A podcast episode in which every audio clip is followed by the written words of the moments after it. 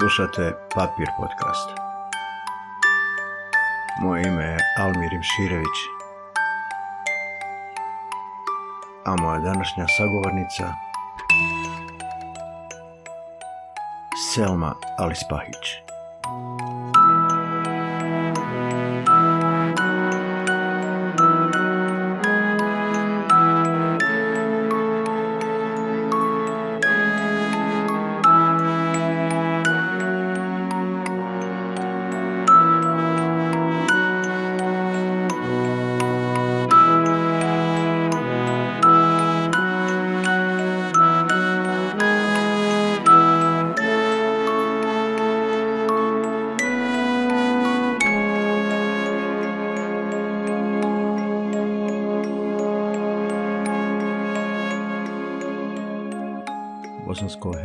Čka glumica, rođena 10. marta 1970. u Tuzli.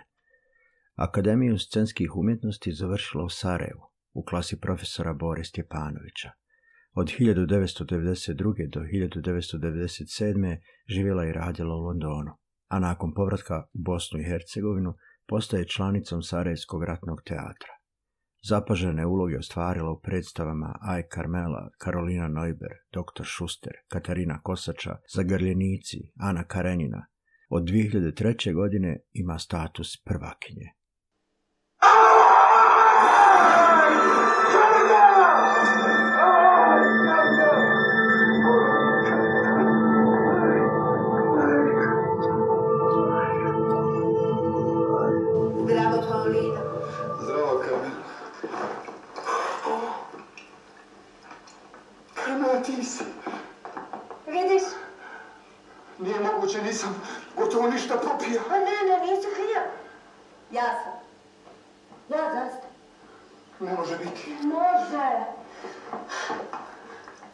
Odjednom sam te se sjetila.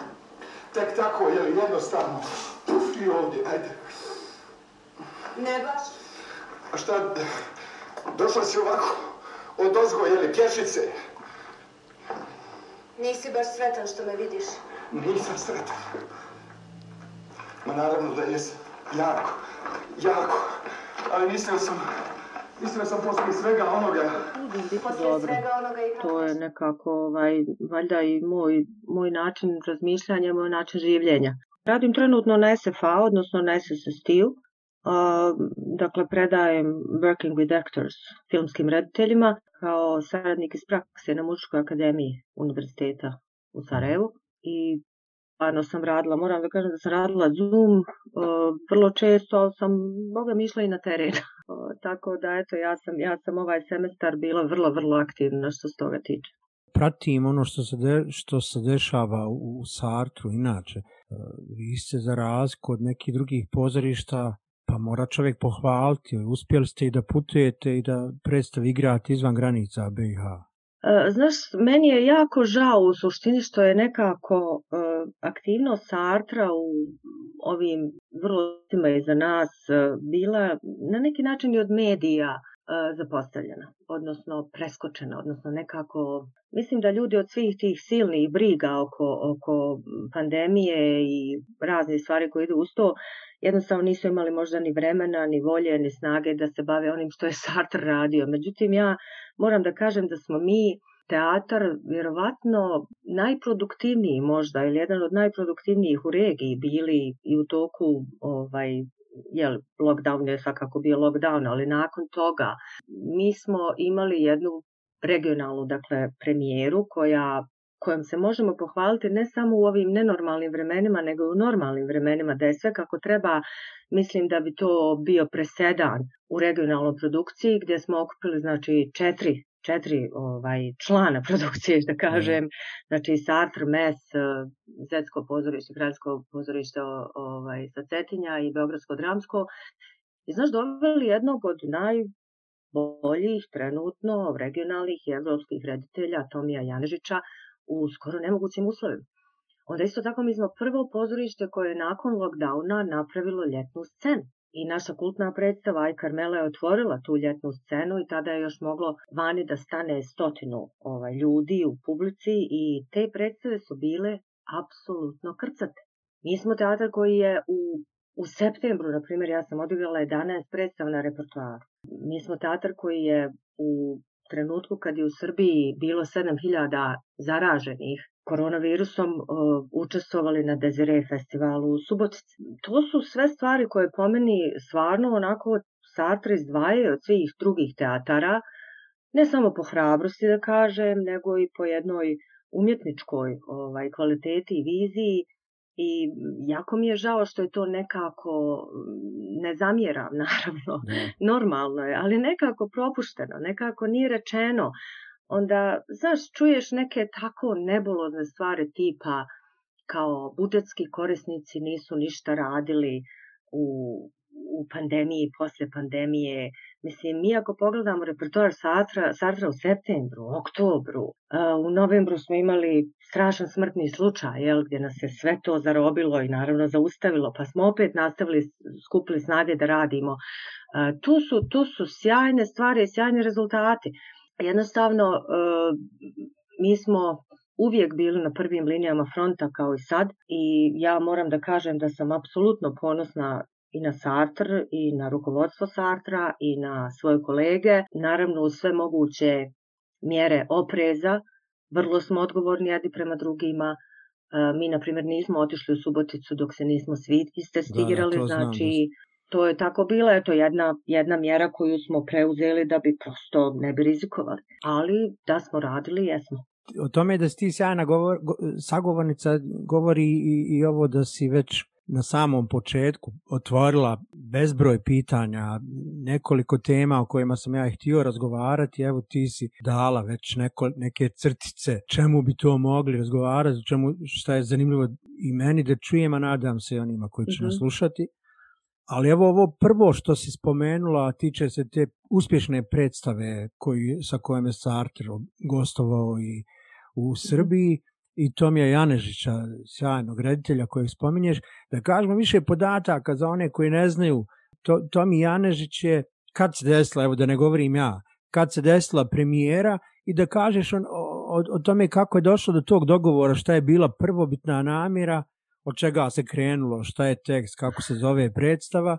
I samo jedna činjenica, to moram reći, ne pravdajući ove koji su, kojima se zamiraš sa pravom nereagovanje, ne nego desilo se naprosto tako da se premijera da bude planirana u, hajde najblaže rečeno, u nevrijeme. vrijeme. Mhm, Tomi Janežić mhm. došao u Sarajevo malo prije početka sve, sveg ovog ludila pa onda da. u Sloveniju, pa se vratio u Sarajevo i na našu sreću predstava ipak izašla.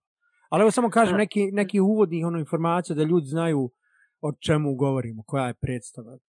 Da, predstava se zove Nije to to, međutim u podnaslovu kaže studije Faust. Jel? Naravno, Tom Janežić je e, došao sa sa, kako bi rekla, mislima svojim o Faustu, ali kao što i uvijek znamo u njegovim predstavama, to su samo neke polazne tačke, polazne, polazne tačke za razvijanje prije svega glumčeve mašte, pa onda i njegove. Tako da to nije Faust, jeli? ali su motivi Fausta i tekst je e, napisala Simona Semenić, znači jedna vrlo zanimljiva, teatarski vrlo zanimljiva isto tako autorica iz Slovenije s kojom je Tomi već sarađivao i kad ti kažem da na kraju od teksta Simone Semenić nije ostalo ništa, onda ćeš shvatiti koliki, koliko povjerenje Simona ima u Tomija i Tomiju Simonu. To je jedna za mene fascinantna uh, saradnja, prvo između njih dvoje, a onda i e, rad sa Tomijem Janežićem. E, mi smo počeli u februaru, dakle, prošle godine, pa nas je onda zadesio lockdown, pa smo onda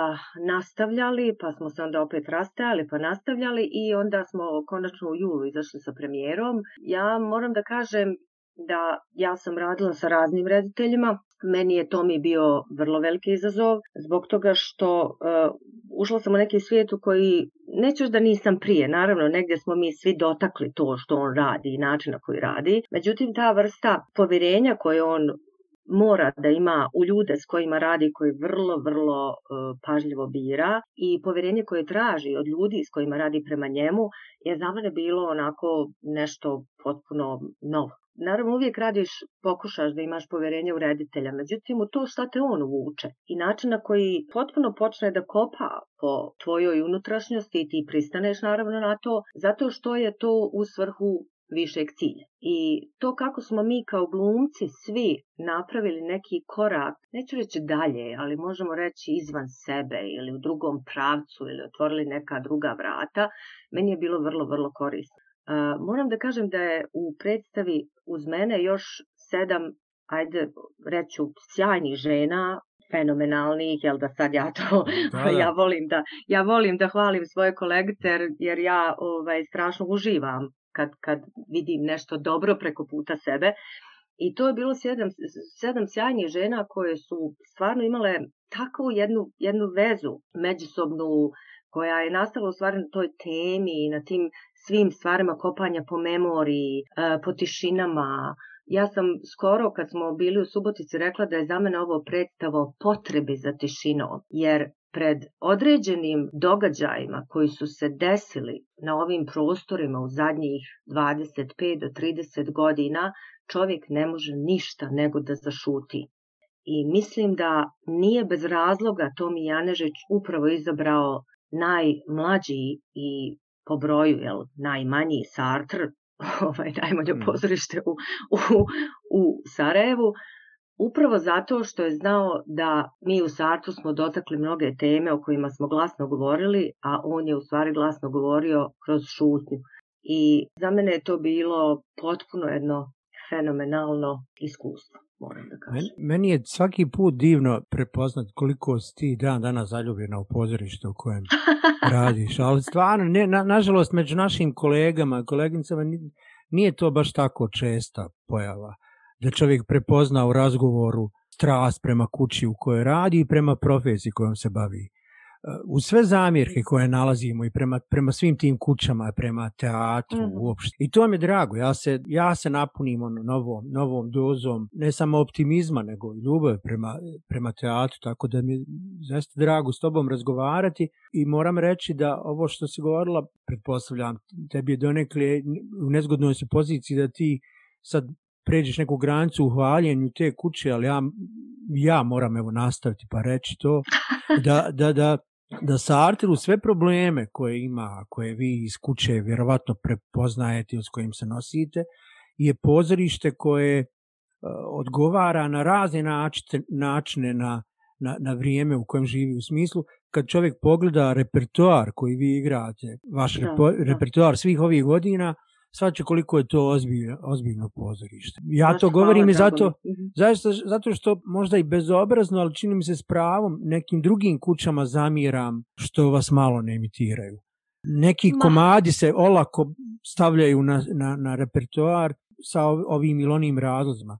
Vi ste u, mhm. u, proteklih, proteklih godina u Sartru, da, evo samo par predstava da, da mhm. navedem u, u, zadnje vrijeme, od Bowling Collection, svu moju ljubav, tako da je moje pitanje, kako god ovaj sad uvod bio predug i nespretan, je, šta ti zamjeraš najviše našem današnjem teatru? Šta misliš da je naša bolna tačka? U čemu griješimo? Govorim svi mi, a mislim na konkretna mm. pozorišta i konkretne ljude u tim kućama. Da ti kažem, ja sam osoba koja ne zamjera prije svega nikom ništa. To sam davno naučila i mogu da kažem samo svoje mišljenje, a reći ti opet mišljenje iz sebe, jer si mi postavio jedno vrlo lijepo pitanje u smislu kako sam još uvijek zaljubljena u teatar i koliko volim to što radim pa kako kažeš da ne osjetiš tu strast nekad, jel, kad pričaš sa nekim kolegama. Ove, ovaj, znaš, meni je potpuno besmisleno da se baviš ovim poslom bez strasti. Ako ti ovaj posao ne pruža zadovoljstvo, ako ne misliš da tim poslom oplemenjuješ sredinu u kojoj živiš,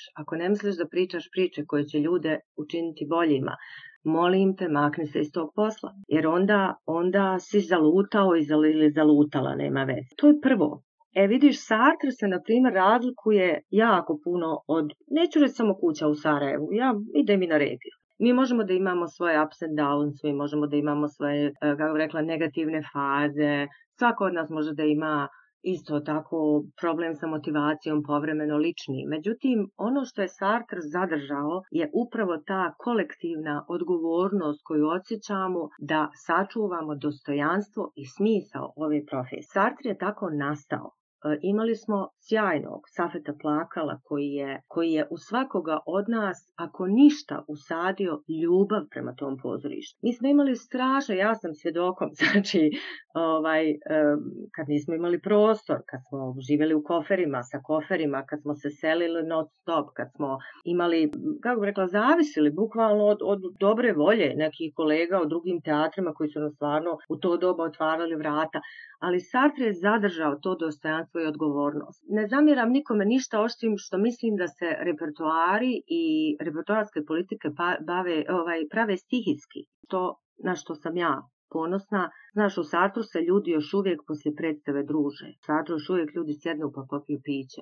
Tako da je u pitanju, mislim da je u pitanju trenutno i u pozorištima jedna stihija užasna stihija, znači nema nikakvog sistema, nema nikakve vizije prije svega, nikakve vizije. A drugo, nema nikakvog odnosa prema glumcu i razvoju glumca. Ja sam imala sreću kad sam stasala u pozorištu da su ljudi razmišljali o tome šta ću ja da igram kad mi bude 25, šta ću da igram kad mi bude 32, šta mogu, jel, imali su viziju nekog mog glumačkog puta. Danas to nema. Mi bacamo glumce onako kako stignemo. Niko ni uopšte ne razmišlja šta su mogućnosti nečije. Uglavnom mi stavljamo u fioke, vi vidite da stalno isti glumci igraju iste uloge, mislim, imate ljudi koji su vrlo talentovani, koji, koji jednostavno, mislim, nesreću maštovite reditelje da ih malo ovaj, otvore u nekom drugom pravcu. I, a drugo, Znaš, ne možeš ti ni zamjeriti previše pozorištima u trenutku, ne u trenutku, u godinama, kada se politika toliko umiješala u pozorište da je to postalo degutantno. Ja kad čujem, a skoro sam čula, situaciju u kojoj su nam rekli e, jedan političar, novonastali, nam je rekao bukvalno rečenicu meni je pripao Sartre i ja sada imenujem upravni odbor i direktor. Prije svega, ko si ti da tebi pripada Sartre? I ko je jedna, jedna partija, stranka, nas. da i jedno pozorište pripada tome. Prije svega pozorište, pa i Sartre, sva pozorišta pripadaju ljudima koji finansiraju ta pozorišta. U ta pozorišta dolazi publika koja nema veze sa strankama i koja je stranka i koja si mislim, religija, nacija, šta god da si, dolazi publika, dolaze ljudi. S kojim pravom iko može da kaže da mu pripada bilo koje pozorište i da on imenuje direktora? pokvario nam se jezik, a sa druge strane, čini mi se, mi smo sve to dopustili, mi, naše kolege, evo, kad govorimo o teatru, dobro znaju sve to o čemu ti govoriš i mi smo pristali na to, pristajemo na to već, evo, tri decenije ili koliko. Ma da, da ti kažem, ja sam dobila, na prvi jednom je neko rekao kao, pa, to što ti kažeš kao da se politika ne treba miješati u teatar kako možeš jer znaš ipak vi zavisite od politike jer politika vas financira ma, sorry, mislim, ne financira mene politika. Politika je trenutna. To što su sad ovi na vlasti sutra neće biti, pa ti što su sutra neće prekustra, pa možda će opet ovi od, od danas sutra biti, pa razumiješ me. Mislim, to, to da, da, da se politika do te mjere miješa u teatar, to je po meni pogubno. Ne jel, misliš da smo ipak mi krivi ili bar veliki dio krivice nosimo jer najjednostavnije rečeno čutimo, brate, čutimo, pretihi smo mi, postoje predstave u kojima mi govorimo o ovim onim temama, ali reakcija svakodnevna na, na loše stvari koje se nam se dešavaju izostaje. Pa zašto ne znam baš, ne znam baš, znaš, ja jedino mogu, što je strašno, Svataš, da mijenjam stvari tako da se učlanim u stranku. A ja, kako da mislim, razumiješ, mislim ti ne možeš, šta ti sad radiš, šta ja, ja mogu da pričam javno, da ovako lupam, mislim, kako da kažem, on će mene svi objaviti, sve u redu, mislim, ali ja ne mogu ništa tu u suštini da promijenim zato što je to već praksa ovaj, koja godinama funkcioniše. Nažalost, većina ljudi će reći da pozorište nije najvažnija stvar koja njih boli, koja, o kojoj trebaju razmišljati i raspravljati i bunice. I ja pristajem da njima teatar nije tako važan ali e, kad zamjeram nama neagilnost, da ne, da ne budem pregrub, hajde da govorimo o nekim drugim stvarima koje su pod navodnicima ili bez navodnika ozbiljnije. Mi dan danas nemamo pravu reakciju, a jedina smo država u regiji koja nije nabavila ni jednu vakcinu. Ja ne znam kako, kako ne znam šta ozbiljnije treba da nam se desi. Pa da ti kažem, e, možda da, znaš, mislim, prije svega mi nikad nećemo izaći na ulici to sigurno. zašto misliš da smo, da, smo takvi Ma nema, nemamo mi tu svijesta. Znaš zašto? Zato što je pola ovog grada u strankama. Oprosti, ali moram to da kažem. Ako, ajmo reći, 300.000 ljudi, pa 150.000 je sigurno u strankama. Pa ne smiju. Ali, dobro, ali izvini, to ne bi trebalo... Znači, mi koji nismo. Ja, da, ali ja to gledam možda pre naivno, ali to ne bi trebalo biti opravdanje. Znaš, nije problem, ok, tristo 300.000 bude u strankama, ali e, biti u stranci ne znači biti bez mozga. E pa druže ono, moj, e, e pa vidiš, ja zato nisam u stranci, zato što su rijetki ljudi koji uđu u stranku i nastave razmišljati svojim mozgom. Ja sam srela jednu članicu stranke prije pa eto, ne znam, ima to mi 10 godina. Nema Kako to dobro zvuči, kao zaniman, to članica stranke. Kao... Pa dobro, članica stranke, ajde sad nema veze, ma nije Znam, pa Ja... Govorim ti o pojavi, ne govorim o ljudima, mislim. Ne, zamislim kao lik Danila Harsa, ono, članica stranke. e, da, da, može, može, može. Ovaj, jes, ima funkciju. strela sam je pred car i mi smo tada bili u procesu, e, jedan naš direktor je završavao svoj mandat, i čovjek je bio zainteresiran da ostane drugi mandat, imao jako dobre rezultate i sve to skupo, međutim ta stranka je odlučila da digne ruke u, na Skupštini kantona Sarajevo i da smijene tog direktora, iako me financijski izvještaj bio na nuli. Dakle, nije imao nikakvog duga. Ali kad hoće da smijene direktora, znači obaraju financijski izvještaj i onda čovjek bude u poziciji kao da je nešto jadnik muljao s tim parama, razumiješ, u teatru gdje nema para, ali je to način da se skine direktor, pa se skine upravni odbor, pa se onda iz stranaka, znaš, najgore je što ti vidiš da se skidaju ljudi koji mogu da urade fenomenalnu stvar u teatru, samo zato da bi se neki poslušnici stranaka namještali upravni odbor. I dobrog direktora možeš da skineš zato što upravni odbor, ne znam ja koliko sad ne koliko, koliko je sad upravni odbor kod nas u teatrima, 150-200 maraka, ne znam. Ne znam, ne znam, ne znam to. Stvarno ne znam, ali vidiš da je to jedno pijaca gdje, gdje ljudi da postavili neke svoje za 200 maraka upravni odbor, oni skidaju direktore, jer su sad oni na vlasti, idemo, ide sjeća glava. I ja sam srela tu članicu stranke ispred Sartra jer je ona došla po dijete u osnovnu školu Musa Čadin Čatić. I s obzirom da se znamo i, ovaj, ja sam rekla, rekao, ovaj, e, ja bi stvarno voljela da se ti nekad zabuniš, pa uđeš u ovaj Sartre i pogledaš šta mi radimo prije rekao nego što si digla ruku da smijeniš tog čovjeka koji je sjajno radio u ovom teatru. Prema tome stranka je rekla da se čovjek smijeni i ona je digla ruku. Nije više pita, ni ona da nema mozga, ali njen mozak je sad u stranici. Ja sam tada tom direktoru našem rekla, rekao, ja, da sam na tvom mjestu, ja bih tužila. Ja bih tužila, jer s, kojim pravom ti dovodiš moje ime, moj rad, sve u pitanje da bi postavio neke svoje tipove, ovaj, upravni odbor i, mislim, sklanjao me onako. I odmah da ti kažem, to je osnovni razlog što ja neću da budem direktorica Sarta koju su mi to mjesto su mi nudili mm. svi. Evo sad otvoreno vrlo kažem. Neću da budem, zato pazi, ja mogu svoj život da posvetim sjajnom repertoaru sa da, da, kako bi rekla, da, da napravim genijalne stvari. I da sutra neko dođe, promijeni se vlast, i zato što se promijenila vlast, bože, ajmo sad mi skidati te ljude koji super rade jer, jer, to tako valjda ide i to tako treba i sjeća glava ide odma i niko ne pita uopće šta si radio. Kao da ti kažem, mislim, to, to su, to onda, znaš, onda čovjek malo i poreda prioritete u svom životu, pa onda kažeš sebi, čekaj, mislim, jel to meni treba? Što će to meni? Znaš, mislim, imaš sjajne ideje neke, ali ako neko može sutra se promijeni za šest mjeseci vlast i skinu čovjeka, onako, samo zato što se vlast promijenila. Mislim, to su suludi sistemi. To je potpuno vam pamet.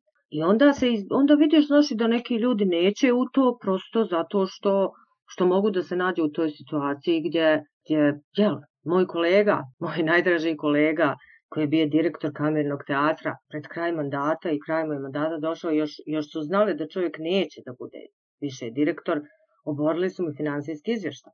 Jer je to sistem. I možeš misliti čovjeka koji je volan čisko suza. Ali, ali užas je što se taj scenarij, scenarij se ponavlja. Način na koji nas vlast uvjeri da radi ispravnu stvar je toliko puta već viđeno. Pa ne znam zašto, Almire, mi smo imali zadnjih godina ovaj, stalno direktore, odnosno kantonalne ministre kulture iz kulture, je li tako? Pa mogu su nešto da naprave na toj inicijativi. Da, pokušavam sad u glavi, listam, mislim, mada je veliki ustupak njima, što ih se uopšte sjećam, iskreno sad mi je žao. Ma dobro, nema truda, ono. važno.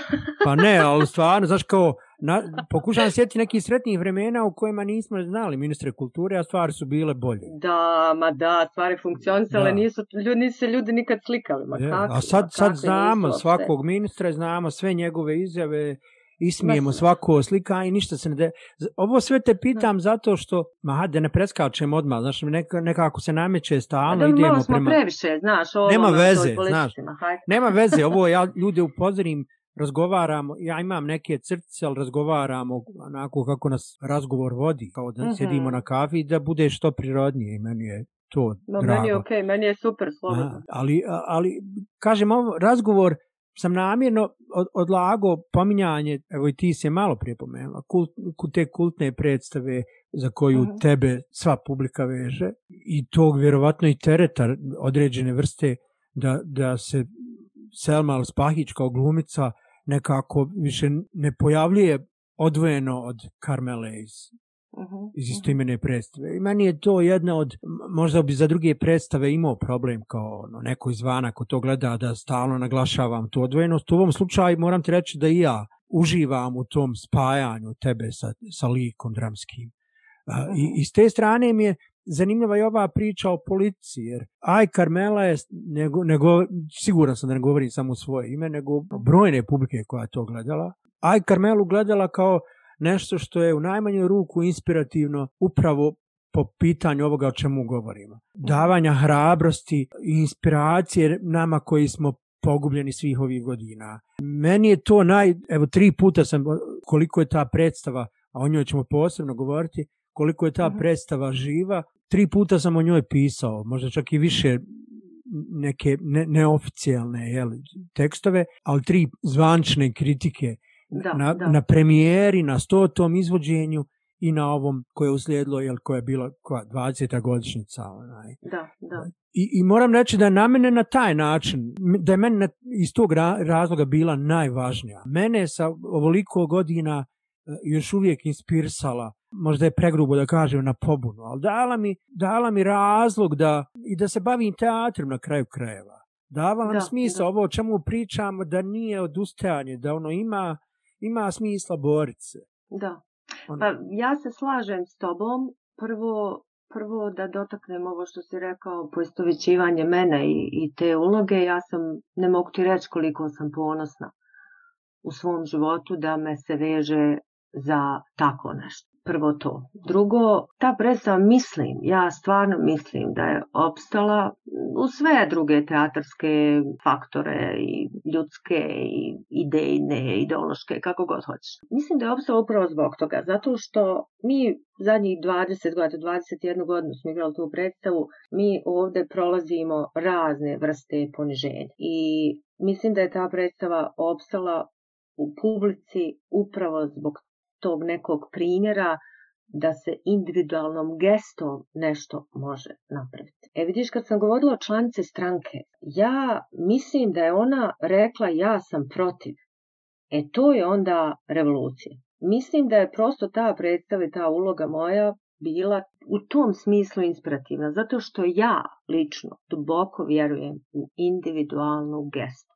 Dakle, šta god da radiš, šta god da radiš, boriš se za neka prava, ajmo individualnu gestu, ajmo konkretan primjer, nemojmo uopšteno.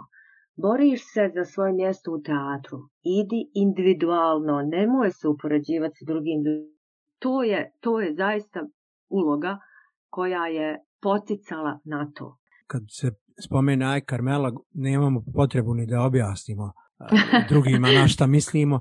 I sad se, da, sad se tek sjeti pa zbog ljudi koji nisu u Sarajevu ili koji naprosto nisu gledali, da mhm. znaju o čemu pričamo, da kažemo neke e, infor, ono, glavne informacije, to je da pričamo o predstavi Aj Karmela po tekstu Jose Sinistere, je li? Jose Sinistera, jeste. I u režiji Roberta Raponje. To je jedna od najdugovječnijih predstava bosansko-hercegovačkih, što je manje bitno, ali je jedna od najboljih ako ne najbolja. I ono što je možda jako meni lično bitno to da sam 2019. koje kad je, kad je proslavljeno 20 godina uh igranja i to sam stavio u tekstu, bilo mi važno mhm. da na toj predstavi, da na tu predstavu dovedem svojeg čerku koje je to bilo prvo gledanje Aj Karmele. Da, da, sjećam se i taj toj tekst je stvarno ovaj upravo iz te perspektive bio, bio zaista tačan. Mhm vrlo tačan, vrlo onako. Kad sam se pripremao za naš razgovor pa vrtio po, mm. po internetu e, neke tekstove, slike i predstavu, da, da, da sam počeo ponovo gledati snimak predstave i kako god to sad patečno zvučalo, nisam imao snage pogledati to do kraja. A znaš šta, ovaj, ja sam prije svega vrlo sretna što, eto i za publiku koja ne zna, znači u toj predstavi smo igrali Dragan Jovičić i ja, u početku je Gustaveta igrala Mejda Šupuka, onda je prije kojih ima jedno 11-12 godina, preuzeo naš divni kolega Jasenko Pašić i a, dakle predstava je igrala 21 godinu od 99. Zadnju smo odigrali 14. septembra 2020. Meni je jako važno, na primjer, što je moj sin pogledao tu predstavu. E, jako mi je važno što mi je moja kćerka neki dan bili smo u Mostaru i ona meni kaže kao, joj, znaš, imam da ti ispjevam neku pjesmu. I sad ona ima sedam godina i, ovaj, i ja sad rekao, kako sad pjesmu? Pa rekao, je neka pjesma, koja, čija je pjesma? Kaže, ne, ja sam, ja sam napisala pjesmu. Rekao, hajde, bre, ono, ispjevaj mi pjesmu. I pjesma ide otprilike ovako. Aj Karmela, aj Karmela, aj Karmela, aj Karmela, najbolja predstava za uvijek. I pazi, tu je, kako da ti kažem, tu je moj smisao zatvoren. I onda mi je, onda mi je supruga uh, Dragana Jovčića Mirjana neki dan ovaj, pokazala snimak na, koju, na kojem e, Draganova unuka koja ima dvije godine pjeva pjesmu Aj Karmela. Uh, znači, kako da ti kažem, e, meni je strašno teško o tome da pričam još uvijek. Ja sam, ja sam potpuno moram da kažem kao da mi je neko, sad E, potpuno izvukao tlo pod nogama, e, jer to nije više bilo samo profesionalno partnerstvo. Dragan ja smo se vrlo često ovaj, šalili pa govorili, on meni govori ti si moja najbolja drugarca, rekao i ti si moja. Tako da je on bio moja najbolja drugarca. Čovjek koji je u osam ujutru, u tri ujutru, u pet popodne, kad god bih ja ovaj, trebala da ga čujem i da se nešto posavitujem, on je bio tu. A o tom bogatstvu koje ta predstava ima, ja mislim da je to predstava koja ima možda najbogatiju arhivu fotografija e, i tekstova o njoj, jer smo mi vrlo aljkavi inače u BH teatru kad se tiče čuvanja. Sjećanja. Sjećanja, bilo kakvi tragova čuvanja, bilo kakvi tragova na bilo šta što je bilo u BH teatru. Tu smo strašno lijeni, strašno aljkavi i ja, ja ću se baš što se Ajkar tiče, sigurno svojom opet individualnom gestom izboriti protiv tog zaborava. I to sam apsolutno odlučila i to će tako biti. Tako da ja o bolu i tuzi koju još uvijek osjećam, apsolutno ne mogu ni govoriti, niti mogu to da artikulišem. To je za mene bio veliki šok i još je. ja nisam još uvijek izašla iz tog šoka i možda sam sad samo prešla u neku drugu realnost pokušaja prihvatanja činjenice da mog Dragana Jovičića više nema i kako da kažem, u stvari se učim živjeti bez njega.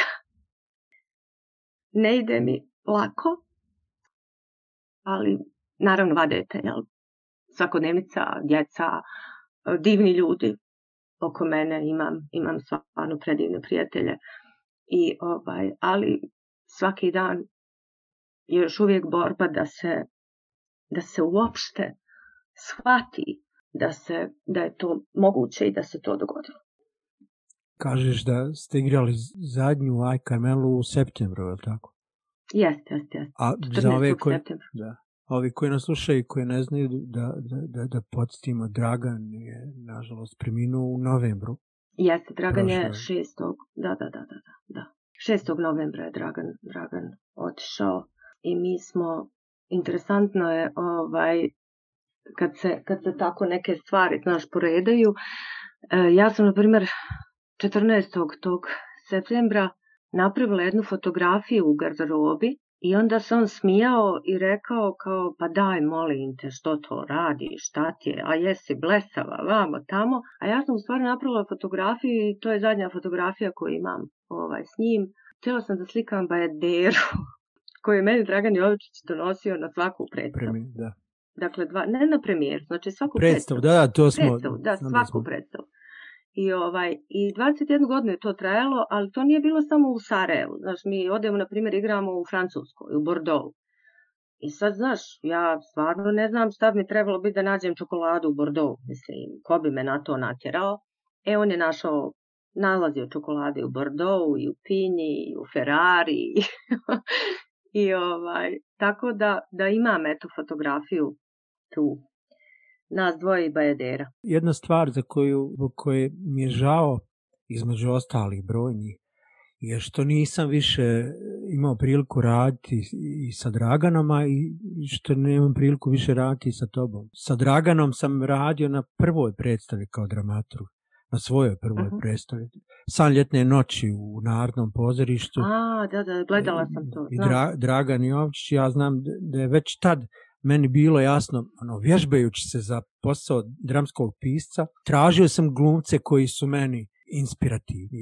I Dragan mhm. Jović je, ja sam ga već sad prepoznavao kao nekog, i to sam u jednom prilikom i rekao, pišući neke mhm. nove tekstove, eh, imao njega u glavi kao glumca za kojeg pišem. Nažalost nismo imali priliku tako često raditi zajedno, ali ono što me, na što me podsjetila sad tvoja priča, o tome sam prisao u svojoj, činim se, prvoj kritici o Aj Karmeli ljudi koji ne znaju predstavu, samo da im kažem da u jednom, u jednom dijelu predstave Dragan Jovčić je, to jest Paulino, lik koji igra, izvodio trik, iz mađančarski trik, izvodio ga nespretno, ali izvodio ga e, igrajući sa publikom.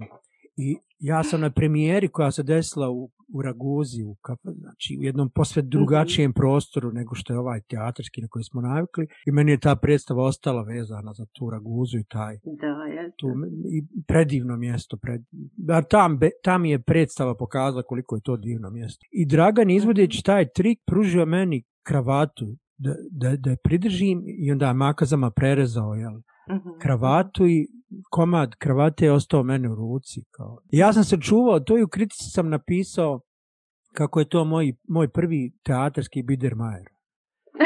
to e, ja, ja zaista vjerujem da neke predstave, e, ako ne i sve, iza sebe ostavljaju takve komade odbačenih stvari koje su ono, moguća sjećanja i, i, volim se pristiti predstava na kojima sam radio, ali pogotovo ovi koje su mi bile važne iz ne znam, iz ne znam kog razloga.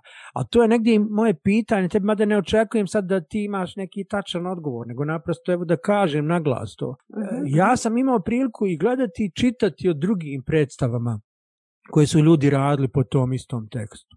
Mhm, I mhm. bio začuđen kako nijedna nije uspjela da priđe ni blizu rezultatu koji ste vi postigli.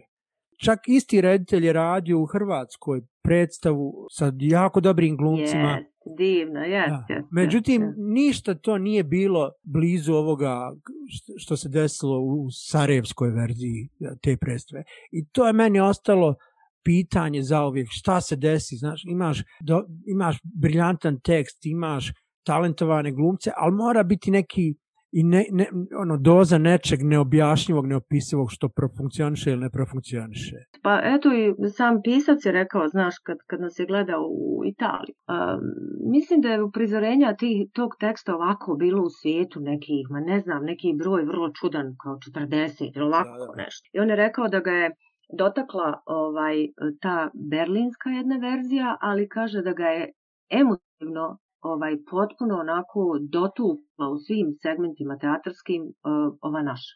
I on koji inače, e, kaže, nikad nije u životu pogledao dva puta svoj predstav, on je naš, nas došao da gleda jednom, znači u Kaljariju, i onda se sutradan opet pojavio, samo je ušetao e, u salu da nas ponovno gleda, jer on kaže, nikad mi srce nije lupalo tako a pritome mi nikada nismo nigdje, dakle nigdje, mi smo preko 80 predstava odigrali van Bosne i Hercegovine, nigdje nismo imali titlove.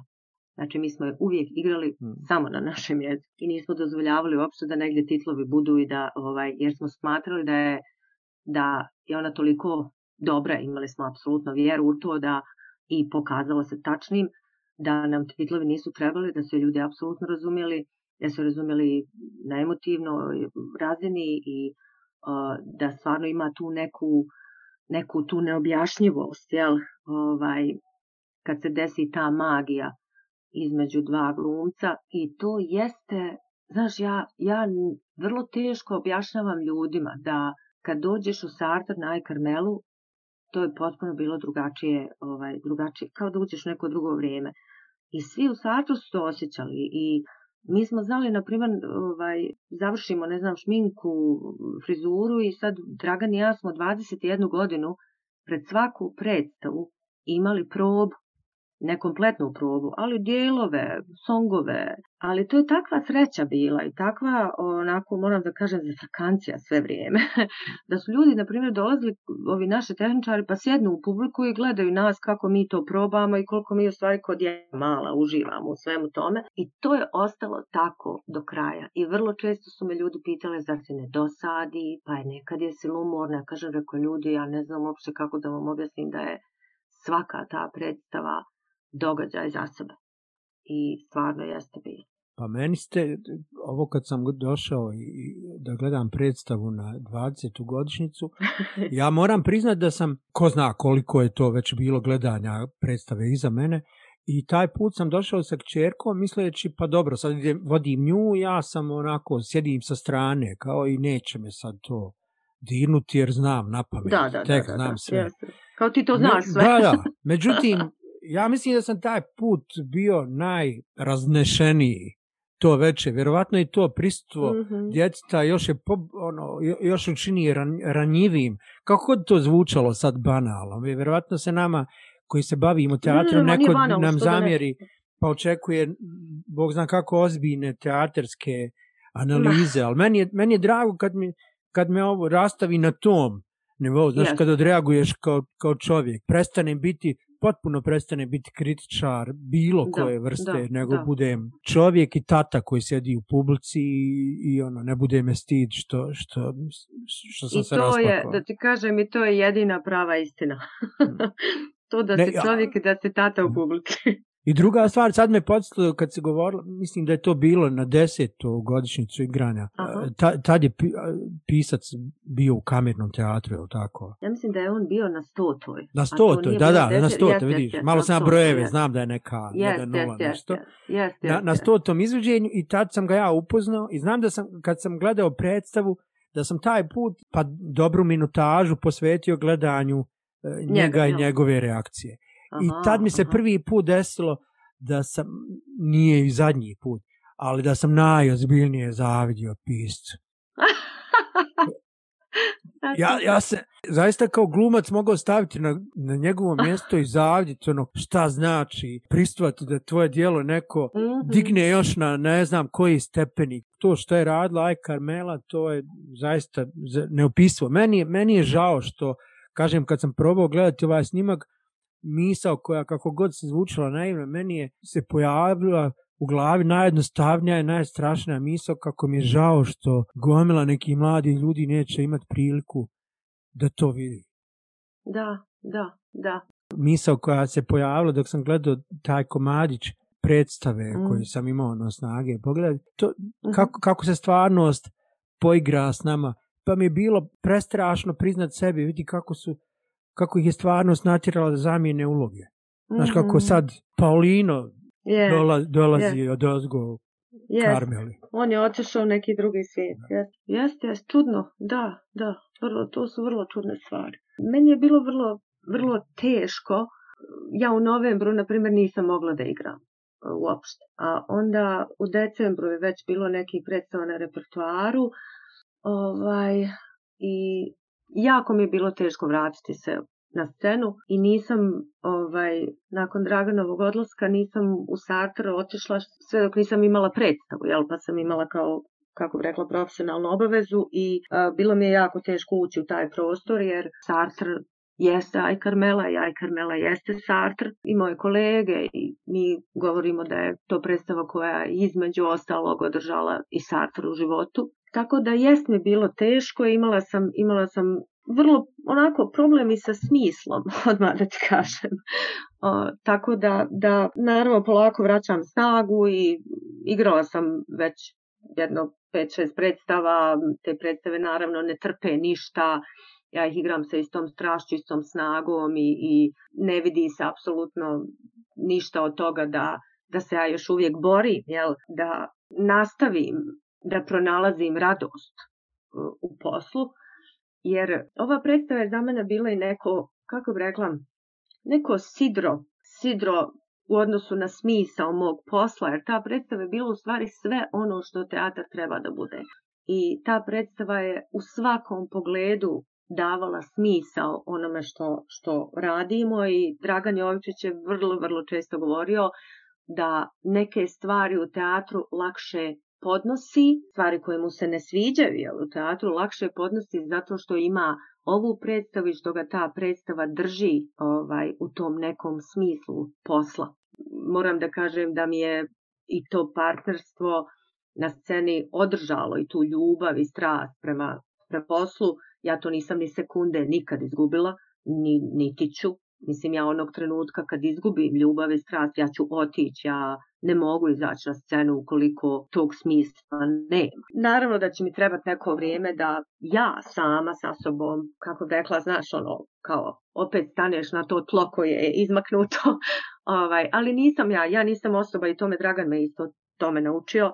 Ja nisam nikad bila osoba koja se predaje, ja nisam nikad bila osoba koja je malodušna, mi smo rekli da ćemo igrati ovu predstavu dok dišemo, njega više nema, ja ću sad igrati za nas dvoje. Sutra da nestane arte da prestane sa radom, ja mislim da imao smisla da postoji, ako ništa drugo, zbog te predstave. Tako da je da, to za istoriju jednog teatra i to je ogromno. Sam mm-hmm. Spahić je neko ko iza sebe ima brojne predstave, nekoliko filmova. Selma Spahić je neko, ko, koliko se ja sjećam, najmlađa studentica Akademije scenske umjetnosti, je tako? Yes, pa ja sam bila najmlađa, yes, diplomirana glumica u bivšoj Jugoslaviji. Tako, Za koliko je to godina? Pa to je 20, ja sam imala 20 godina kad sam završila akademiju, dakle upisala sam sa 16, 1986 i završila 1990. Eto, sa 20. I kako je akademija e, tad mislim, u kakvom je sjećanju studiranje akademije tog doba? Pa da ti kažem, meni je predivno. Ja sam studirala, mnogi to zovu zlatnim dobom Akademije scenske umjetnosti, a, kad su se dešavale predstave proput Mrešćenja Šarana, Hasana Gince, tetoviranog pozorišta, a, znaš, to, su, to, su, to je bilo i zlatno doba audicije i otvorene scene obala, tako da sam ja u suštini imala tu sreću i zaista veliko zadovoljstvo e, da mi, da mi profesori budu ljudi poput Boris Stepanovića, Mladena Materića, Marije Simunović, e, Josipa Lešića. Tako da ja sam imala, imala divnu, divnu, divno iskustvo na akademiji, predivno. Imala sam sjajnog pedagoga, znači sjajnog profesora koji me je naučio redu, radu i disciplini. Više puta sam rekla i kasnije kad sam otišla u London i kad sam se susrela sa potpuno jednim drugim svijetom, drugim jezikom, drugim načinom razmišljanja, borbom koja je bila borba za život, a onda i borba za posao kroz audicije. Ja sam na toj školi u to vrijeme dobila takav zanat da ga se nijednog trenutka nisam postidjela bilo gdje u svijetu da sam se pojavila. Tako da mene, mene za Akademiju scenskih umjetnosti i moje studiranje vježu zaista samo, samo najljepše uspome. Kad govoriš o filmu, koliko si zadovoljna uopšte brojem odigranih uloga i kako danas ocjenjuješ, kako gledaš taj dio svoje karijere? A znaš što, ne ocjenjujem ništa, niti gledam nešto šta sam ja to, da li sam mogla više. Stvari su se odvijele onako kako su se odvijele. Ja moram da kažem nešto što uvijek govorim. Mene više ljudi pitaju zašto me nema na filmu nego što ja razmišljam o tome zašto me nema na filmu. I onda sam vrlo često onako iz kulture prisiljena da, da dajem neke odgovore.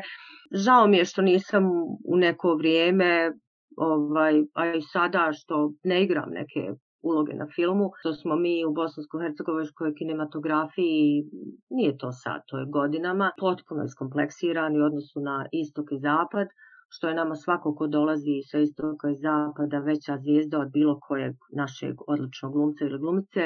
I plus, moram da ti kažem, poput ove članice stranke koja nikad nije ušla u Sartre, postoje filmski reditelji koji nikad nisu ušli u Sartre. Znači, postoje čak i teatarski reditelji koji Aj Carmelu, na primjer, 21 godinu nisu gledali. Ja ne znam čime se ti ljudi bave u životu. To da su, da su, da je i ta kinematografija vrlo često svedena na pijačarsko-jaranske odnose, to je prosto tako ja ne mislim, uopšte ne zamjerim nikome, odmah da ti kažem, niti, niti imam neku preveliku želju da sad kao Ispravljam krive drine u tom smislu, ali je šteta, zaista šteta, što su mnoge naše glumice, sad govorim za glumice, i glumci, evo na primjer Dragan Jovičić, mislim ako pogledamo u kojim je to filmovima Dragan Jovičić igrao. Ne možeš nabrojati dva, vjerujem Nije samo problem sa glumcima. Evo ja sad kad razmišljam i o rediteljima koji ne dobiju priliku i scenaristima, svi smo mi pa tu pa slični. Pa ne, ne, ne, ja apsolutno, ma da ti kažem, apsolutno apsolutno to sad možeš da primjeniš na mnoge, kako bih rekla, polja umjetnosti. Znaš, neće mene niko shvatiti profesionalno ovdje, jer mi sve ovdje shvatamo lično. I to našu umjetnost ovdje u. Pazi, ja sam igrala u filmu Bobe Jelčića, na primjer, obrana i zaštita. I svi su poslije bili oduševljeni tom ulogom i sve, ali čovjek je došao i nije bio upleten ni u kakve ja tebi ti meni varijante i rekla hoću da vidim sve glumice koje mogu da vidim za tu ulogu, ne znam, sekretar, ovaj, odnosno portir. I zato sam ja imala priliku prosto da izađem na audiciju, nikad čovjeka u životu nisam vidjela, izašla na audiciju koji ne znam 20 drugih, ovaj, i čovjek me pozvao poslije da radim film. Ali ja vrlo često nemam priliku da izađem na audiciju. A pritome nemam ništa protiv audicija. Kad je Mustafa Nadarević radio Hasanaginicu u Narodnom pozorištu Sarajevo, ja sam tako se vratila tek iz Londona. Sa svim svojim ulogama u Kraljevskom nacionalnom teatru, u Kompliste teatru, na Channel 4, na BBC radiju, radila sam sa Albi Jamesom koji je njihova legenda, mislim, radija. Ja sam jedina glumica bila tad koja se pojavila na audiciji. On je pa, kao pravi audiciju. Ja stvarno nemam problem da izađem na audiciju jer smatram da je to vježba. Za mene audicija vježba. I nemam nikakvu isto tako sujetu da izađem na audiciju pa ne proći. Jer mislim, naučila sam se u Londonu da imam ja, ima još 50, pa hajmo. Samo jedino što ne volim kad me formalno zovu na audiciju, znaš, a već su dodijelili glavnu ulogu u filmu. To onda nije okej. Kad reditelj filmski kaže da snima filmove samo sa svojim prijateljima, mislim, momak sve okej, ali snima je filmove od svojih para sa svojim prijateljima, a ne filmove da snimaš sa svojim prijateljima i rodbinom koje ti, mislim, od para koje ti država daje. To onda nije moralno. To je bilo i prije, mislim, prijašnjoj, prijašnjoj državi naravno, a sad smo mali pa se to više vidi. Mislim, stalno su isti ljudi, stalno su isti ljudi, to je dosadno. I meni je bilo ponuđeno da igram dva puta u jednoj vrlo poznatoj seriji koja se ovdje snimala, a regionalno prodavala.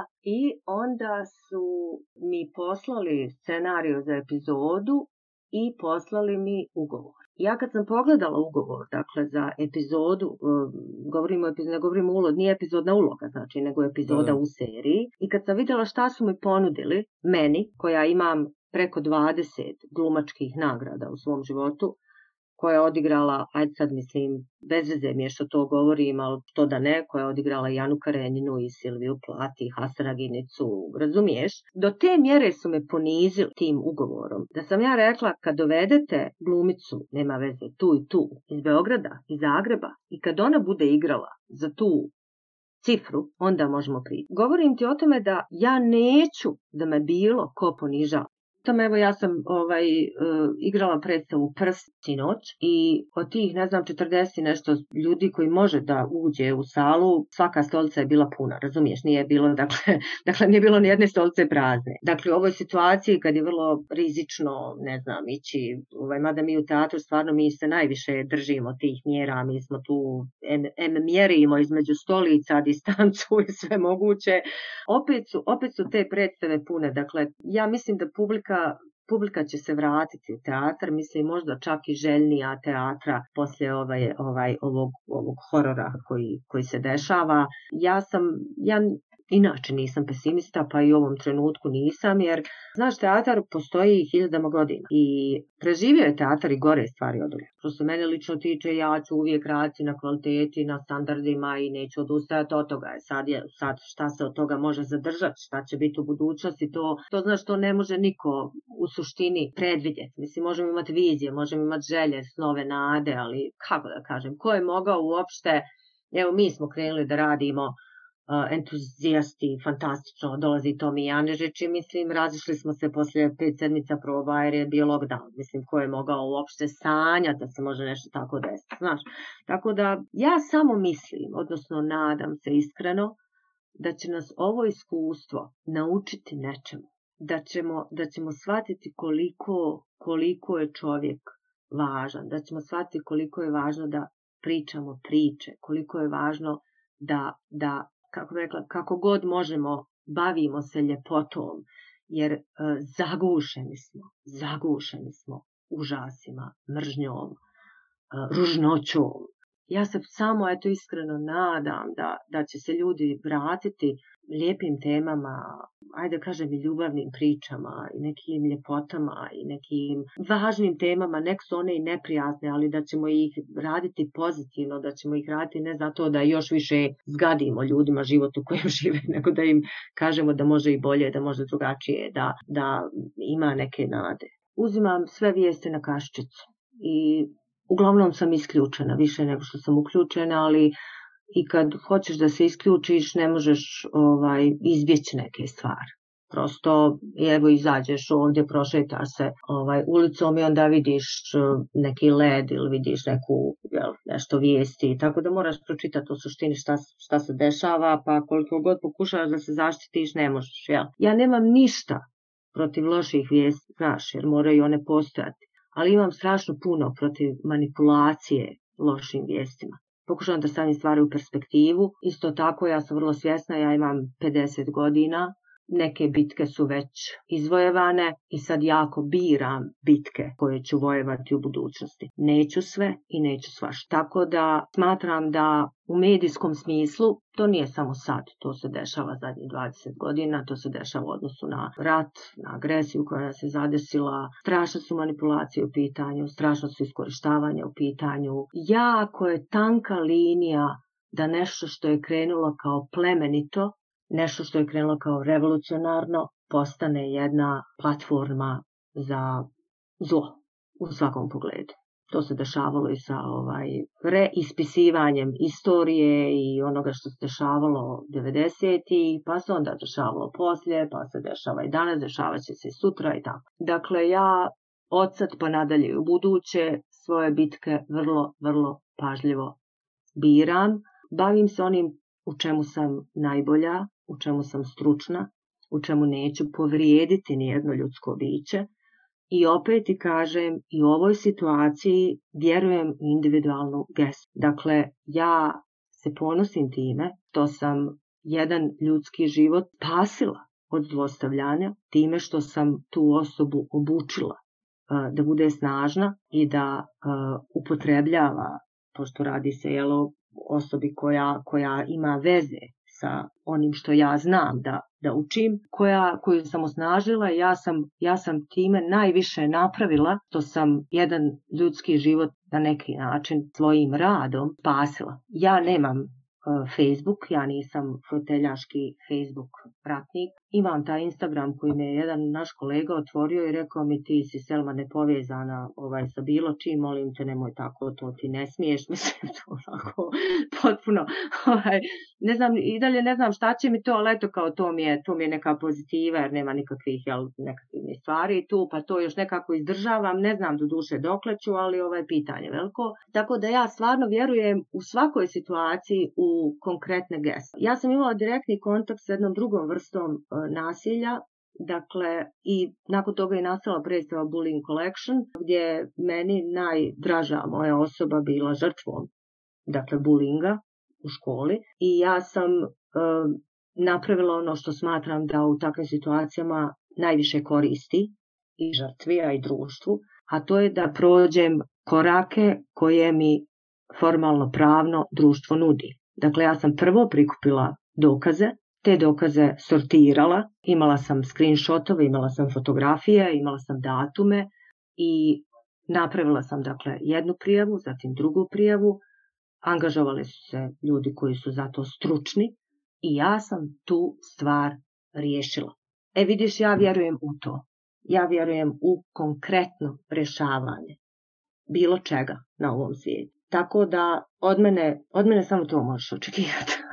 e, Sjane, ti si već odgovorila jedno od dva posljednja pitanja koja sam ih htio da ti postavim. Ticalo se odgoja. Ti si negdje dala odgovor kako pristupaš tom kako pristupaš odgoju. Djeluješ kao neko ko je jako siguran u ono šta i kako radi. Ti u odgoju moraš da pokažeš toj svojoj divnoj osobi koju si donio na svijet, Da pokažeš da si snažna osoba, da znaš šta radiš, da je taj neko siguran uz tebe i to je najvažnije. Svoj, svojim primjerom moraš da pokažeš kako se, kako se stvari rješavaju i kako se boriš kroz život. To je divno se poklopilo, zašto sam te i pitao to izbjegavajući konkretne primjere, ali evo da sad spomenim samo jedan mali detalj. Prije dan, dva sam na jednoj beogradskoj televiziji gledao, ponovo se pričalo o ovome što je sad aktualno, te neki isti problemi. Međutim, ovaj put je naglasak bio stavljen na fizičku fizičko kažnjavanje djece da mhm. ili ne, ko je, za, ko je protiv. I o tome su govorili razni psiholozi prije toga, ali taj dan kad sam ja gledao tu televiziju, gosti su bili ljudi koji su, kako se to kaže, obilježili naša djetinstva, koji su ono heroji uh našeg djetinstva. Branko Miličević, Branko Kockica mhm. i, Minja Subota. uh Meni, je, meni, je, pored zadovoljstva što ih vidim, Minju Subotu sam na, na moju radost sreo u Beogradu prije par godina. Mhm. Branko Kockica je neko koja sam, ne samo ja odrastao, nego sam poslije svom djetetu da se živo odgledala sve epizode kocka, kocka, kockica. Uh-huh. Ali bi ovaj put bilo nekako tužno slušati šta se govorilo u toj emisiji. Jer su čini mi se i ono, gosti dovedeni, neću reći iz pogrešnog razloga, nego i pogrešna pitanja su postavljena. Govorilo se da, kao kad se, kad se postavi pitanje da li ste za ili protiv fizičkog zlostavljanja djeteta, meni već, već kraj muka, emisije. Ma već muka, je da. ma da, ma da. Da o tome. Naravno, da, da. i, i ono što je bilo recimo zanimljivo kad sam čerki svoje pustio taj dio u kojem njoj je bilo zanimljivo isto da vidi i Branka Kockicu koji je sjed, koji nije više onaj Branko Kockica i kojeg ona zna sa, iz emisija. I onda sam joj ponovio što je rekao Branko Kockica. Nije se pravda, on je to ono, sa, šarmom ispričao, da je imao problem objašnjavati ljudima kako ono što je radio emisije je uloga. Da on nije učio tu djecu, nego on govorio tekst koji je napisao neki scenarista i, igrao u emisiji koju je režirao neki reditelj. Moja čerka je bila razočarana kao ja sam mislila da je to on. Da.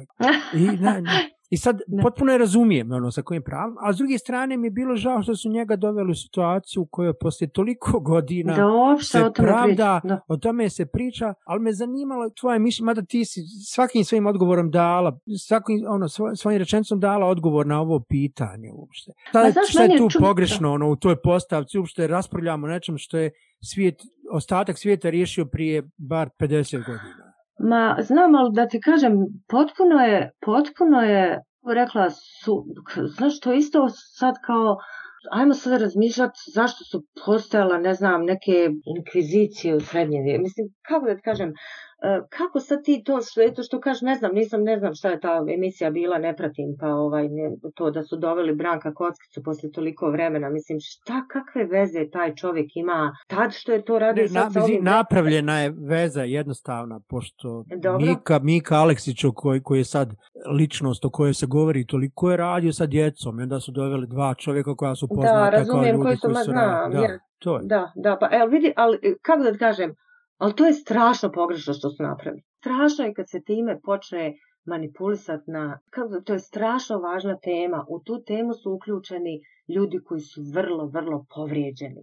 Tu se mora biti strašno pažljiv čime izlaziš u javnost, šta govoriš, koga ti to prozivaš, kojim razumiješ, tu se mora strašno biti pažljiv jer tu ne povređuješ samo žrtvu, povređuješ užasno mnogo ljudi okolo ja smatram da je potrebna velika odgovornost kad se tako nešto radi. Mene, na primjer, mene strašno ta, ta, ta užasna manipulacija koja se dešava sad svim i svačim. Evo ja sam jučer igrala Predstav prst. Jedna divna, predivna novinarka me nazvala dan prije da dam izjavu o predstavi prst i Kaže ona, eto, s obzirom da se igra predstava, e, možemo li molim vas o aktualnosti teme, položaj žene u patrijarhalnom društvu. Ja kažem, reko, stanite, molim vas. Reko, predstava nije o položaju žene u patrijarhalnom društvu, dotiče se i toga. Ta je predstava prvenstveno napravljena jer se radi o nestalima u ratnom konfliktu i o ljudima koji čekaju kost glas, pismo, telegram, išta o tim ljudima koji su nestali. Znači, radi se o tome o ljudima koji su izgubili svoje najmilije i čekaju sa nadom godinama da se išta o tim najmilijima sazna. I reko, molim vas, ako mislite da upotrijebite takvu jednu važnu temu u svrhu manipulacije položajem žene u patrijarhalnom društvu, ja vas molim, nemojte zato što smatram to nemoralno. To je strašno. Prije svega predstava, i to sam isto rekla, mislim, ta žena me je stvarno divno shvatila i svaka joj čast, mislim, potpuno me shvatila što joj govorim. Rekla sam, reko, molim vas da predstav igra sedam godina.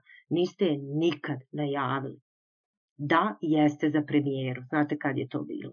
I reko, sad ste iskoristili priliku da tu predstavu koja govori o strašno jednoj bolnoj temi, upotrijebite u nešto drugo. Prilog nije izašao, odmah da kažem. Da, pa To, to... zato, što sam ja, zato što sam ja rekla, nema problema, ja hoću da govorim predstavi, jer smatram da je trauma koju mi živimo još uvijek sa ljudima koji nisu pronađeni. I te porodice, tih ljudi ima hiljade koje žive svakodnevno sa tom traumom, mi to potpuno zanemarujemo. Ja želim da govorim o tome i o toj temi ovaj, koju ta predstava dotiče, Ovaj, I evo daću vam izjavu i dala sam u tom smislu izjavu. Pa naravno, ta izjava nije puštena. Mm.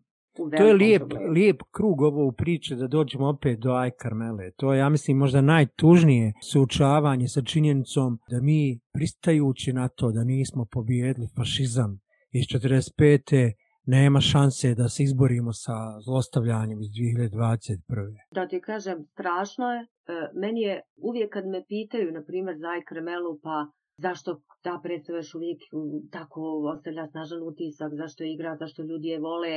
Ja kažem, reko, koliko sam ponosna, toliko sam i tužna. Jer i poslije toliko godina pre, e, borba ovaj, protiv fašizma je aktuelna. I, I bit još. Je, u stvar, I bit će, nažalost, bit će još. Puno je predstava, puno je tema koje nažalost nismo u, prilici da, da spomenemo, ali evo nešto što, što te moram na kraju, možda ne pitati, ali ono što moram spomenuti i dati kao šlagort, ostavljajući tebi priliku da, da kažeš nešto o tome, to je jedna osoba koja je na razne načine pokazala se kao tvoja obsesivna tema ili osoba oko koje se tvoja karijera, tvoj život vrtio, a to je Silvija Plat. Ti si i u predstavi i napisala knjigu koja se zove Korak po korak do velike tišine i kako pod naslov stoji Silvia Plat. Pisanje koje pokušaj reintegracije ljudske i Ja sam 96. godine u Young teatru igrala u predstavi e, Blood Wedding prema Lorkinom tekstu E, koji je preveo tada, znači New Translation je bio, znači novi prevod Ted Hughes, muža Silvije Platt.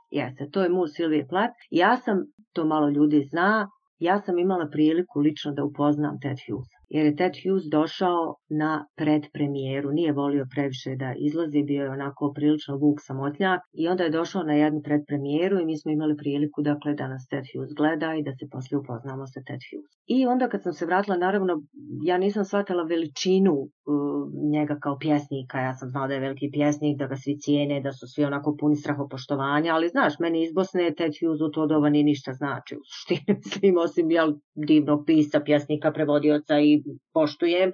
Tek kasnije sam ja shvatala u stvari ovaj, koga sam upoznala. I onda kad sam se vratila u, ovaj, Sarajevo i taj divni, divni sanjar teatarski Safet Plakalo je došao u dodir sa nekim pjesmama Silvije Plat i onda je on u stvari, njegova ideja je bila da se radi predstava e, o Silviji Plat i ja sam tad, moja priprema za tu predstavu trajala je punih osam mjeseci. S obzirom da nisam imala puno materijala na našem jeziku, dosta sam morala naručivati ono sa, sa ovaj, Amazona, onda mi neke knjige slali prijatelji iz Engleske i tako.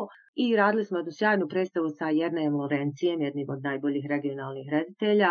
Predstava, eto i u toj predstavi je igrao Dragan Jovičić, upravo je igrao Ted Hughesa. Mm. Eh, predstava je bila na mesu, ja sam dobila nagradu, onda smo išli ovaj, u Sloveniji isto tako, pa smo i tamo dobili na smo festivalu nagradu, tako da je to stvarno bila jedna divna, uspješna predstava. I ja sam imala toliko materijala da su me neki profesori sa filozofskog fakulteta kad su pogledali predstavu pa kad su vidjeli koliko sam ja u tome rekli pa zašto ti, zašto ti ne napišeš nešto o tome, zašto ti ne uradiš nešto s tim jer šteta jer je ona, znaš, od par nekih stihova koje ljudi znaju, ona je u suštini bila nepoznata, odnosno dijelo je bilo nepoznato. Zna se za stakleno zvono i zna se za dedi pjesmu, svaka žena voli fašistu i tako, što je vrlo često pogrešno potpuno interpretira. Međutim, ja kakva sam, ja ako se nečeg dohvatim, znaš, ja moram to sve temeljito. I ja sam sebi rekla, ne mogu ja sjesti pisati bilo šta, da ja ne vidim kako se to radi. I onda sam upisala diplomski studij, završila dvije godine, to je ono po onom starom ovaj, modelu, završila dvije godine diplomskog, na Filozofskom fakultetu na komparativnoj književnosti i uradila, dakle taj magisterski rad je bila Silvija Plat i onda sam odlučila poslije tog vremena, jel, dosta kasno, ali eto 2019. godine u aprilu sam objavila knjigu i moram da ti kažem da, eto sad, prvom tebi pa onda i drugima, mhm.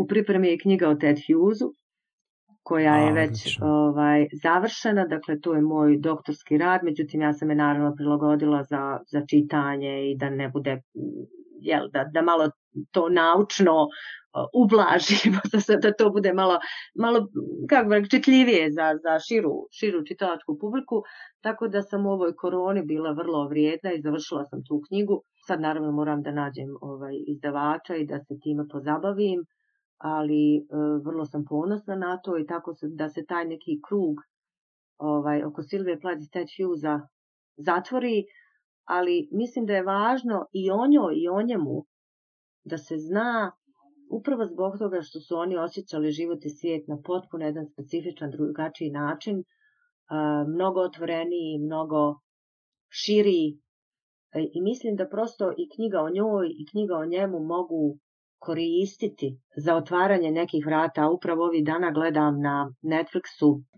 sjajnu seriju Pretend it's a City, e, koju radio Martin Scorsese, a Gledamo isto vrijeme. Da. Eto, gledaš. E, pa onda ćeš vidjeti u zadnjoj epizodi kako Fren Libović mm. kaže ovaj, sjajnu stvar. Kaže, knjige trebaju da budu vrata. A onda ja se sjetim Šekspira pa kad kaže ono teatar je ogledalo prirode, a ja onda sam sebi nekako rekla ovaj, Tatar mora da bude i ogledalo, ali i vrata prirode. Znači da nam, da nam, da nam našoj prirodi otvore još mnoga vrata za koje nismo znali da postoje i da, da jednostavno ovaj, na taj način bolje ehm, razumijevamo i, i osjećamo, mogu reći, svijet oko sebe. Ja bih voljela da ima više poezije u teatru. Mislim da smo, da, da u teatru isto jako puno se ide ka formi. I, ovaj, a gubi se sadržaj, ko što se u našim životima stalno, ti vidiš da je sve formalno, formalno, formalno, stvari pravog sadržaja nema. A klasični, klasični, klasični repertoar je sav o sadržaju. kakvu god formu ti da njemu daš, ti moraš se vratiš tom sadržaju. I to su mene prvo, prvo su me naučili ovi englezi, jer sam vrlo često čula da su mi veliki glumci tamo s kojima sam radila, kao što su Simon McBurney, James Fox, e, Juliet Stevenson i vrlo neki zanimljivi ljudi govorili da mi jesmo glumci, ali mi smo prije, prvenstveno storytellers. Mi smo oni koji pričaju priče. Dakle, prvenstveno to, a onda možemo da pričamo o zanatu, umjetnosti i tako dalje, sve. Ali mi smo pričači priča. To je ono na čemu se temelji civilizacija, kultura, historija i sve ostalo. Dakle, mi priča mora biti u prvom planu.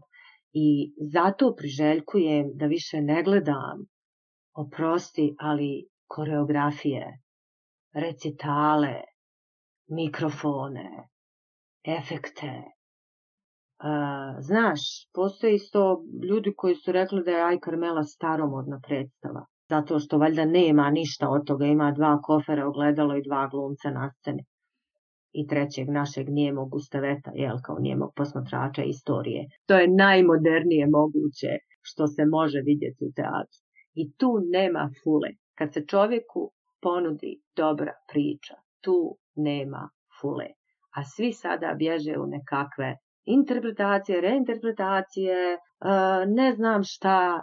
I onda odeš i, kako bi rekla, izađeš iz teatra i ne znaš šta si gledao, Nita je to dotaklo. Da mi je da odem i da se upali svjetlo, da mi ispričaju ljudi priču, da se ugase svjetlo i da ode. Znači, nikakvih dodataka, kerefeka, poštujem strašno maštu rediteljsku, ali sve više reditelji imaju manje povjerenja u priču jer stalno misle da, da moraju da budu pametniji od Šekspira, od Čehova, od Ibzena, od Strimberga i tako dalje. A nije tačno. Englezi su me, na primjer, naučili da imam povjerenje u te. Imam povjerenje u priču prije svega, da moram prije svega da ispoštujem priču. Pa onda, hajmo dalje. I znaš, mi smo jako malo ovdje igrali klasike i strašno smo malo igrali te autore, a to su sjajne uloge. Nemam ja nekih iskreno da kažem, želja sad da nešto kao mi je ostalo, ali bi voljela, na primjer, da se uhvatim u koštac sa ovaj, nekim Čehovom ili, ili Ibsenom ili ovaj, Šekspirom, na primjer. Sve manje se ljudi odlučuju na to i to je, mislim da je šteta. Hvala ti puno. Hvala i tebi, meni je stvarno ovaj, bilo predivno, kao i uvijek kad se sretnemo. Moram da ti kažem da, da sam ovaj, tvoju knjigu najljepše od svih svjetova otišla posebno jedan dan da kupim u Bajbuk. Došla sam kući, nahranila djecu, sjela i nisam ustala dok je nisam pročitala. Dakle, nisam, je, nisam nisam apsolutno mogla da je ispustim iz ruku i mnogim ljudima sam ovaj, rekla da, da je moraju pročitati. Bila sam strašno sretna što si napisao to što si napisao i naljutit ću se na tebe ako nas ne počastiš još nekim takvim draguljima od knjiga kao što je ovo. A ti puno, sad si me iznenadila sa ovim i evo samo ovo je uputstvo svim budućim gostima kako treba završiti razgovor.